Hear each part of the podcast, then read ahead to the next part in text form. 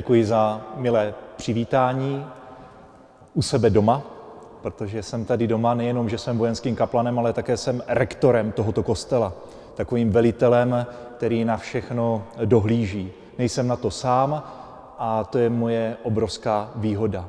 Jenom chci upozornit nebo poopravit některé ty informace.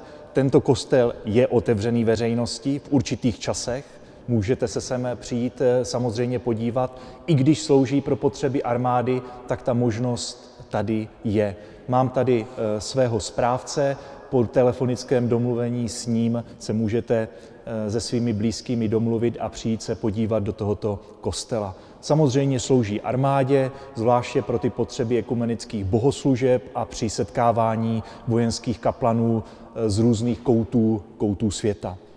Opravím také eh, ty léta, nejsem 19, 12, teď 13. rokem eh, začínám eh, službu vojenského kaplana a ano, oficiálně jsem nastoupil v září loňského roku, ale technicky už jsem od 1. června roku 2015 hlavním kaplanem. To jsem byl v nižší hodnosti, ale od toho září už jsem v té hodnosti plukovnické. Tak to jenom na dokreslení. Možná mnohé věci už jste si mohli eh, projít eh, na webových stránkách, ale jenom chci dokreslit, že mm, tak jak ve vašem, eh, určitě ve vašich životech, ale i v mém, tak jsem se objevil v Praze náhodou, protože jsem čistokrevný moravák z moravského Slovácka, takže moje nářečí je, že poslouchám, počúvám, rožíhám a takové výrazy, takže se učím zvládnout tenhle moravský jazyk tak, abych mohl eh, mluvit eh, spisovně a komunikovat tak, jak by člověk měl. Ale když vrátím se na Moravu, tak velice rád se vrátím opět do té svojí mateřštiny u vozovkách. Tak, já nebudu prodlužovat veškerý ten úvod, já se dostanu přímo k tomu základnímu tématu etika. A začnu úplně jinak. Nebudu se na tu etiku dívat z pohledu definice, nebo co to je etika, ale řeknu vám něco, co je blízké a vlastní vojenským kaplanům. Vojenští kaplani v armádě České republiky jsou garanty takzvaných etických seminářů. Každý voják, který, každý člověk, který nastoupí do armády, muž či žena, projde základním tříměsíčním výcvikem a během tohoto výcviku absolvuje čtyři hodiny etického semináře.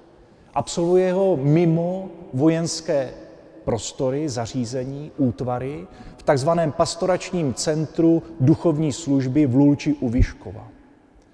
A když ti mladí mužové, ženy přijdou na, to, na ten etický seminář, tak je tam čeká trochu šok. Vojenští kaplani si pro ně připravili zážitkovou pedagogiku, hru. A já jednou začnu. Představte si, že chcete vstoupit do armády, armády České republiky. Přijdete do pastoračního centra duchovní služby, jste ve skupince cirka 20 lidí, kaplani si vás rozdělí na dvě skupiny po deseti a každý kaplan nebo kaplani si vás rozeberou do určitého prostoru. Nejprve existuje moment seznámení, eh, vaší motivace vstupu do armády a potom vás osloví a řeknou, určitě, určete si mezi sebou jednoho člověka. Teď si vyberou jednoho člověka, umíte si to představit, oni si ještě moc neznají, takže se dohadují koho, ale nakonec jednoho určí. Ten jeden člověk odejde za dveře. Během 15 minut jim pustíme 15-minutovou, 12-minutovou ukázku z jednoho filmu, jmenuje se to Gereros. Je to z prostředí Eh, kosovské, kosovských eh, země, eh, místa Kosova na hranicích se Srbskem. A teď se tam odehrává nějaký děj. kdy opravují jeden kostel, vojáci, a teď vidí z věže, že se něco v blízké vesnici odehrává.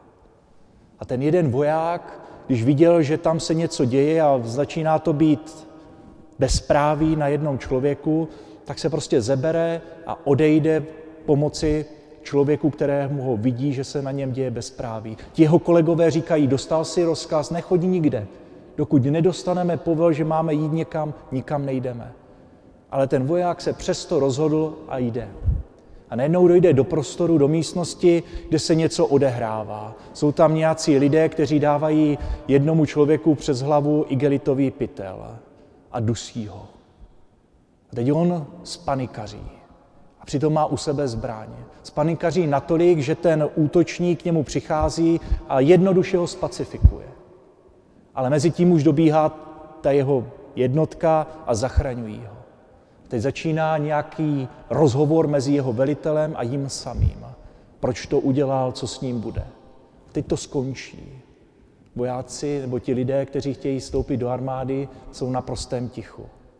Teď jim řekneme, rozdělte se na dvě skupiny, nebo na tři skupiny. Jedni budete žalobci, druzí budete e, obhájci a třetí budete, budete vyšetřovatelé. A vžijte se do těch rolí. Žalobce, obhájce, vyšetřovatelé. Neřešte, jestli z vašeho pohledu to, co se odehrávalo, je správné nebo nesprávné. Vžijte se do role obhájce, žalobce z toho vyšetřovatele. Tak oni se rozeskupí podle toho, jak to u soudu vypadá. A teď každý mají chvíli času najít argumentace, obhajoba, jak obhájit toho vojáka z toho filmu, žalobci zažalovat a vyšetřovatelé jsou od toho, aby jim pomohli konkretizovat, co viděli. Až se po půl hodině tohle skončí, tak přijde soudce a před tím soudcem začnou říkat ty svoje argumenty. Zase nějakých 15-20 minut a teď to stopneme. A je na tom soudci, aby dokázal říci, zda ten voják byl vinen nebo nevinen. Na základě toho, co slyšeli. A takhle s nimi, s těmi lidmi, my pracujeme v těch etických seminářích. Druhý úkol, dáme jim dvou, třímetrovou tenkou tyčku, z každé strany se postaví čtyři, pět vojáků, položí si tyčku na polštářky těch prstů, jen jednoho prstu, a teď spolu mají úkol, všichni se musí dotýkat ze spodu té tyčky, jít na úroveň ramen a stejně tak dolů. A nikdo nesmí tu tyč pustit. Zkuste si to někdy, když budete ve větším počtu deseti lidí. Stále dbějte někoho, kdo vás bude hlídat. A najednou zjistíte, že není tak jednoduché zvyhnout tyčku do úrovně ramen a stejně tak jít k zemi. Najednou, když říkáte, budeme klesat, tak najednou tyčka stoupá. Banalita. Co tím sledujeme? Chceme, aby se vyprofilovalo z těch deseti lidí jeden, který se stane takovým velitelem, mluvčím, který tomu dá systém řád. A ti ostatní musí nějakým způsobem k tomu zaujmout postoj. To proto, aby se jim to dílo podařilo. A znovu si pak sedneme a začneme o tom hovořit, co jste prožívali, jak to vnímáte. A stejně tak pak jim řekneme třetí věc, že v okamžiku, kdy jste v České republice, jdete třeba kolem rybníku a vidíte tonoucí dítě, tak co budete dělat? Budete zachraňovat. Nebo většinou si myslím, že lidé budou zachraňovat. Ale když jdete v uniformě v zahraniční misi kolem rybníku a vidíte tonoucí dítě, tak co budete dělat? Budete zachraňovat nebo budete dělat něco jiného? Musíte počkat, jestli dostanete rozkaz jít zachránit to dítě. Proč? Protože nevíte, jestli to není léčka, která má vás vylákat a vy tam skočíte velmi rychle do té léčky. A najednou si uvědomíte, že ten prostor etiky, těch hodnot v prostředí armádním a toho každodenního života je trochu rozdílný. A přesto je si v mnohých věcech podobný.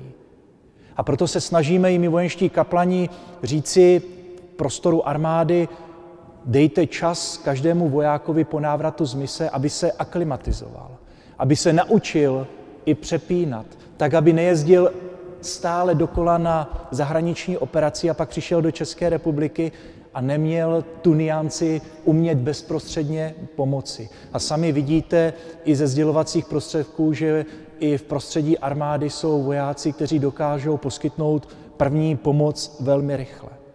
Stejně tak to bylo i v tom příběhu, kdy jsme hráli na ten vojenský soud. Znovu si musíme uvědomit, co je smyslem služby v armádě. A potom tam zazní z úst i vojenského kaplana, pokud chcete pomáhat, tak běžte do organizací, které pomáhají lidem. Ale v okamžiku, kdy chcete být těmi, kteří chtějí pomáhat v armádě, tak je to trochu složitější. Opravdu, dokud nedokážete vy sami si v sobě přepnout mezi těmito světy, tak pak člověk má velké, velké problémy. A na tomto na těchto seminářích, nebo na základě těchto seminářích, jsem vám chtěl ukázat o smyslu plnosti, je etiky v životě nás, lidí, v každodenním životě, ale zároveň i té armády. A je to velmi důležité. A právě v této souvislosti vám chci také ukázat ty podstatné prvky, které se týkají e, života vojáků a vůbec té etiky v armádě protože je opravdu odlišnější od toho každodenního prožívání. Já si veznu s vaším dovolením na pomoc eh, tady eh, ten přístroj, který mě bude pomáhat eh, uvádět a jasně navazovat na to, co vám chci sdělit. Vy sami víte více či méně, co to pojem etika je, že to z řeckého slova etos, mrav že je určitou filozofickou disciplínou. Ale zároveň také může být etika nejenom filozofická disciplína, ale může to být pro někoho forma mého jednání, mého mluvení. Etika se zabývá zkoumáním určitých základních principů, hodnot v každodenním, v každodenním životě. Na rozdíl od morálky, která je blíže k těm konkrétním pravidlům, tak etika spíše stanoví ty základní principy, ty základní hodnoty. A právě morálka pak jde do těch konkrétností. Etika je to, co právě s těmi předpisy, zákony, nařízeními, rozkazy dává člověku ten rámec, kam má vejít a jak se chovat v té své společnosti, ve které žije. Pak si položíme otázku, etika, k čemu slouží? Nutná pro každého, kdykoliv ji potřebuje, aby zájem celku, třeba státu, armády, měl v těch očích jedinců, kteří jej tvoří, dostatečnou váhu.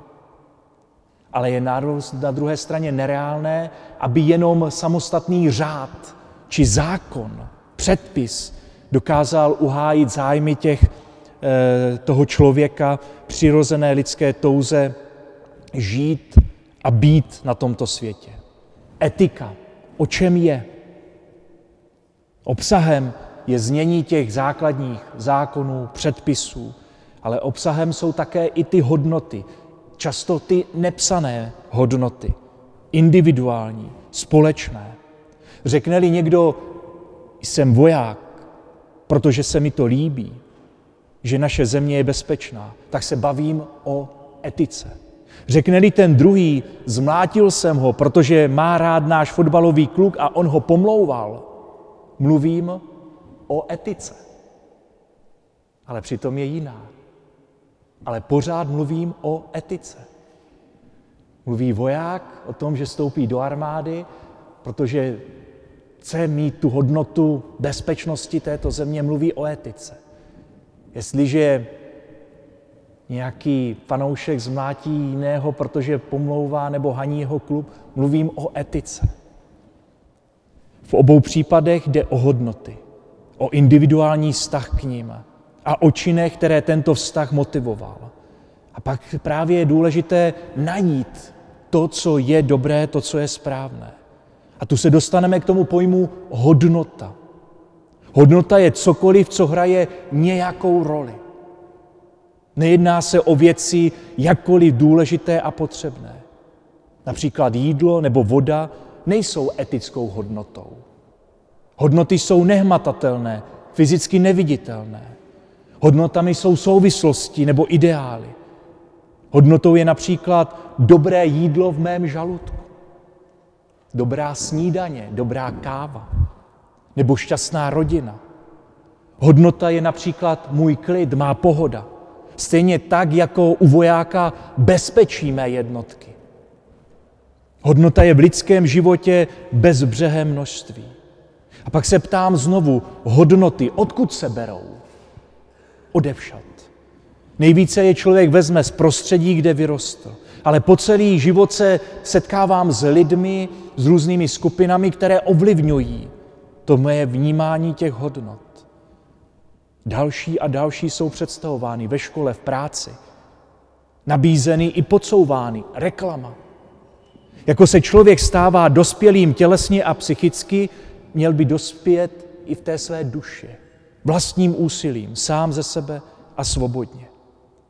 A jak etika funguje? Etika je neutrální mechanismus. Podle míry prospěchu, který etika jedince či jedinců přináší celku nebo těm druhým. A etika není jen nepsaný zákon. Pokud udělám něco proti zákonu, předpisu, vystavují se zodpovědnosti za následky a objektivnímu postihu. Tak funguje v církvi hřích. Hřích, který udělám, něco zlého udělám, já ho vyznám. Skrze duchovního je mě hřích odpuštěn, ale nesu následky, nesu trest. A zároveň bych měl vrátit zpět to, co jsem pokazil. Tak to funguje i v rodině, když dítě rozbije okno. Tak maminka mu odpustí, ale nese sebou trest. Týden nebudeš moc používat počítač nebo tablet, nebo nemůžeš se na něco podívat. Funguje to všude stejně. Takže to jsou takové ty základní, řekněme, rámce, které jdou za sebou. Ale co se myslí vojenskou etikou? A tady mi dovolte říci, že už se dostáváme do většího problému. Dva lidé, pan Kůk a Síse, prozrazují, že existuje celá řada aktivit, které se věnují otázkám vojenské etiky. Různí jednotlivci, skupiny, akademické disciplíny přistupují k těmto etickým hodnotám svým způsobem. A tak je těžké určit přesně, co je vojenská etika. Je to druh jakési, nebo vojenská etika je druh etiky, profesní etiky, která se týká právních, profesionálních povinností, pravidel chování. Stejně tak bych mohl v tuto chvíli s vámi hovořit o možném konceptu spravedlivé války. A znovu budeme mluvit o etice z pohledu práva, mezinárodního práva. A právě to je důležité jasně si stanovit, co je míněno vojenskou etikou. V mnohých armádách poslední léta existuje právě vojenská etika, způsob vzdělávání ve vojenské etice. Lidé se dlouze baví o tom, kdo by tu vojenskou etiku měl vést, kdo by ji měl vyučovat. Někde se hovoří o právnících, někde o filozofech, někde se hovoří také o vojenských kaplanech, o důstojnících. Například Norsko před, předno, upřednostňuje kaplany, zatímco Kanada drží duchovní možná více v pozadí. Možná i sami pocítíte proč. Protože jsou ovlivněni určitým náboženstvím, které zase nějakým způsobem ty kaplany determinuje. A toto jsou různé pohledy, kdo by měl tu etiku vojenskou přednášet. A já jsem vám na jedné na začátku právě ukázal, že u nás je to postaveno na té bázi vojenských kaplanů. Už i proto, že vojenská duchovní služba nefunguje na bázi jednotlivých církví, ale jsme jednou skupinou z osmi církví.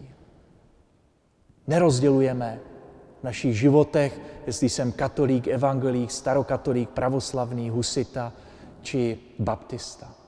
My přistupujeme k vojákovi jako k člověku s respektem toho, co vyznává, co je podstatou jeho života. V jiných zemích, těch okolních, je to rozdílnější. Tam jsou rozdělení katolíci a evangelíci. Ale my fungujeme jako jedna skupina. Když výjíždí jednotka do zahraniční operace, neřešíme, jestli je tam více katolíků, evangelíků nebo baptistů. Prostě jede kaplan, který patří k té jednotce. A on už zabezpečí jakékoliv náboženské úkony vůči těm dotyčným. A když se bavíme o té vojenské etice, tak zároveň chci připomenout, že v armádě České republiky máme určité etické kodexy. Vojenská přísaha, slib, kodex etiky vojáka a zároveň etický kodex zaměstnanců obrany. Nebudu se teďka dotýkat toho, té přísahy slibu, ale dotknu se kodexu etiky, na základě kterého vojenští kaplani právě vedou ty etické semináře. Hodnoty, které znáte, ale které chceme v, našich, v našem prostředí armády daleko více vštěpit do životů, do myslí, do uvažování vojáků. Odpovědnost a smysl pro povinnost. Obětavost, odvaha, věrnost a čest. Základní hodnoty. Když se dotknu toho prvního, odpovědnost za smysl pro povinnost.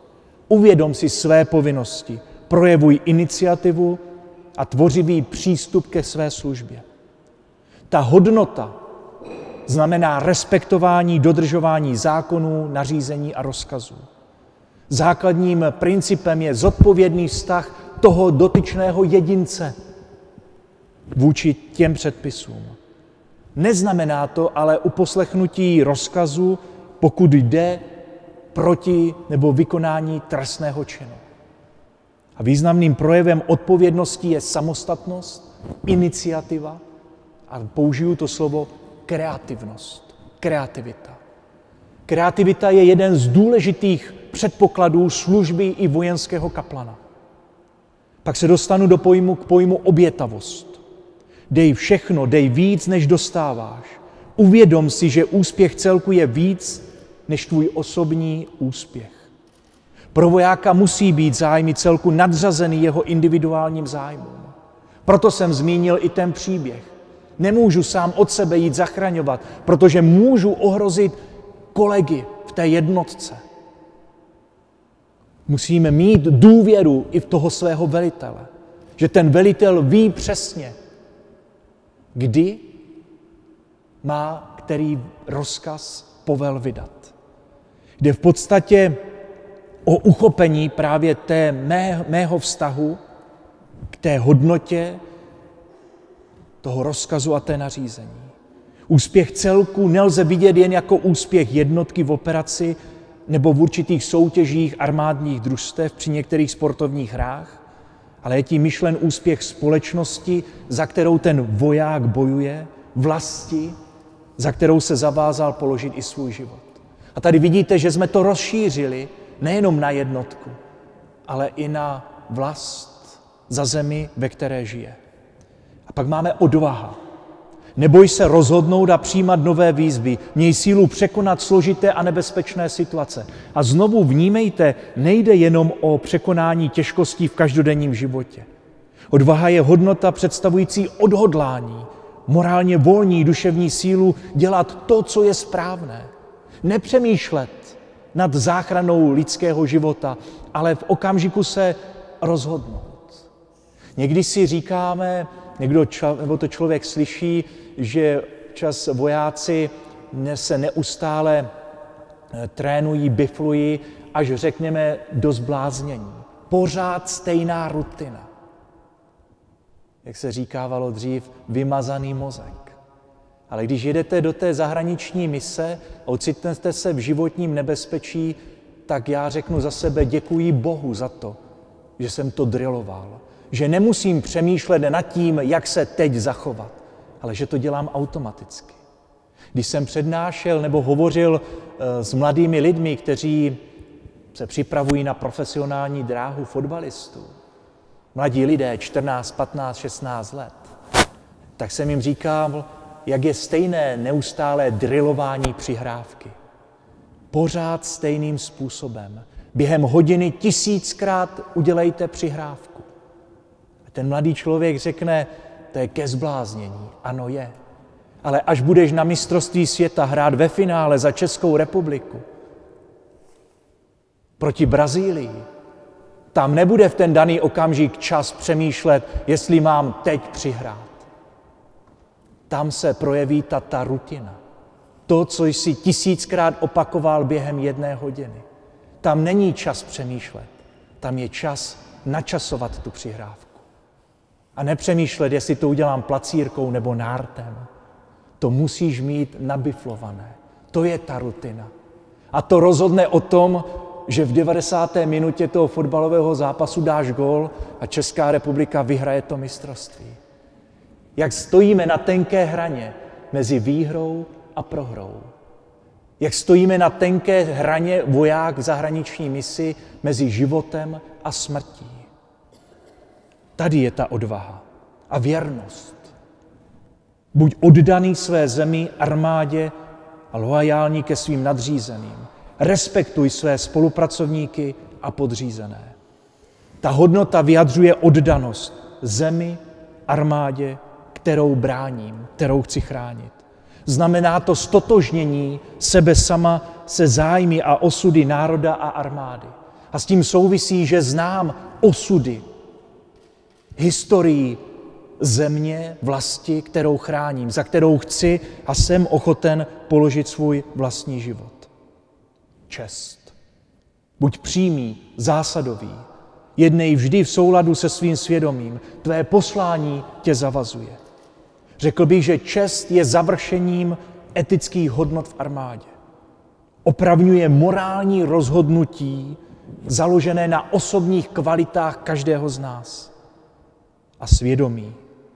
To propojuje všechny hodnoty, které by měl voják vyznávat a které jsou základním, základními hodnotami kodexu etiky vojáka.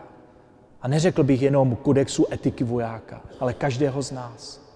A toto jsou hodnoty, které se snažíme vojákům předat a vštěpit. Tak, aby jejich služba byla postavená na těchto hodnotách. Hodnotách, které vycházejí z toho našeho každodenního života, života našich předků, těch, kteří dokázali za tuto zemi i položit vlastní život. Já osobně jsem o těchto hodnotách přesvědčen a proto se snažím ve své službě vojenského kaplana je předávat dál. A snažím se v lidech ne říci, tak je to správné, ale ten etický seminář má člověka vést k přemýšlení, k uvažování, ne k jasnému definování, tak to je a nijak jinak. Samozřejmě jsem si vědom, jsem v uniformě. Uniforma nebo armáda má hierarchické, velitelské schopnosti. Ale i přesto, když jsem voják, jsem člověk. Se svými emocemi, s tím vším, co prožívám doma se svou rodinou.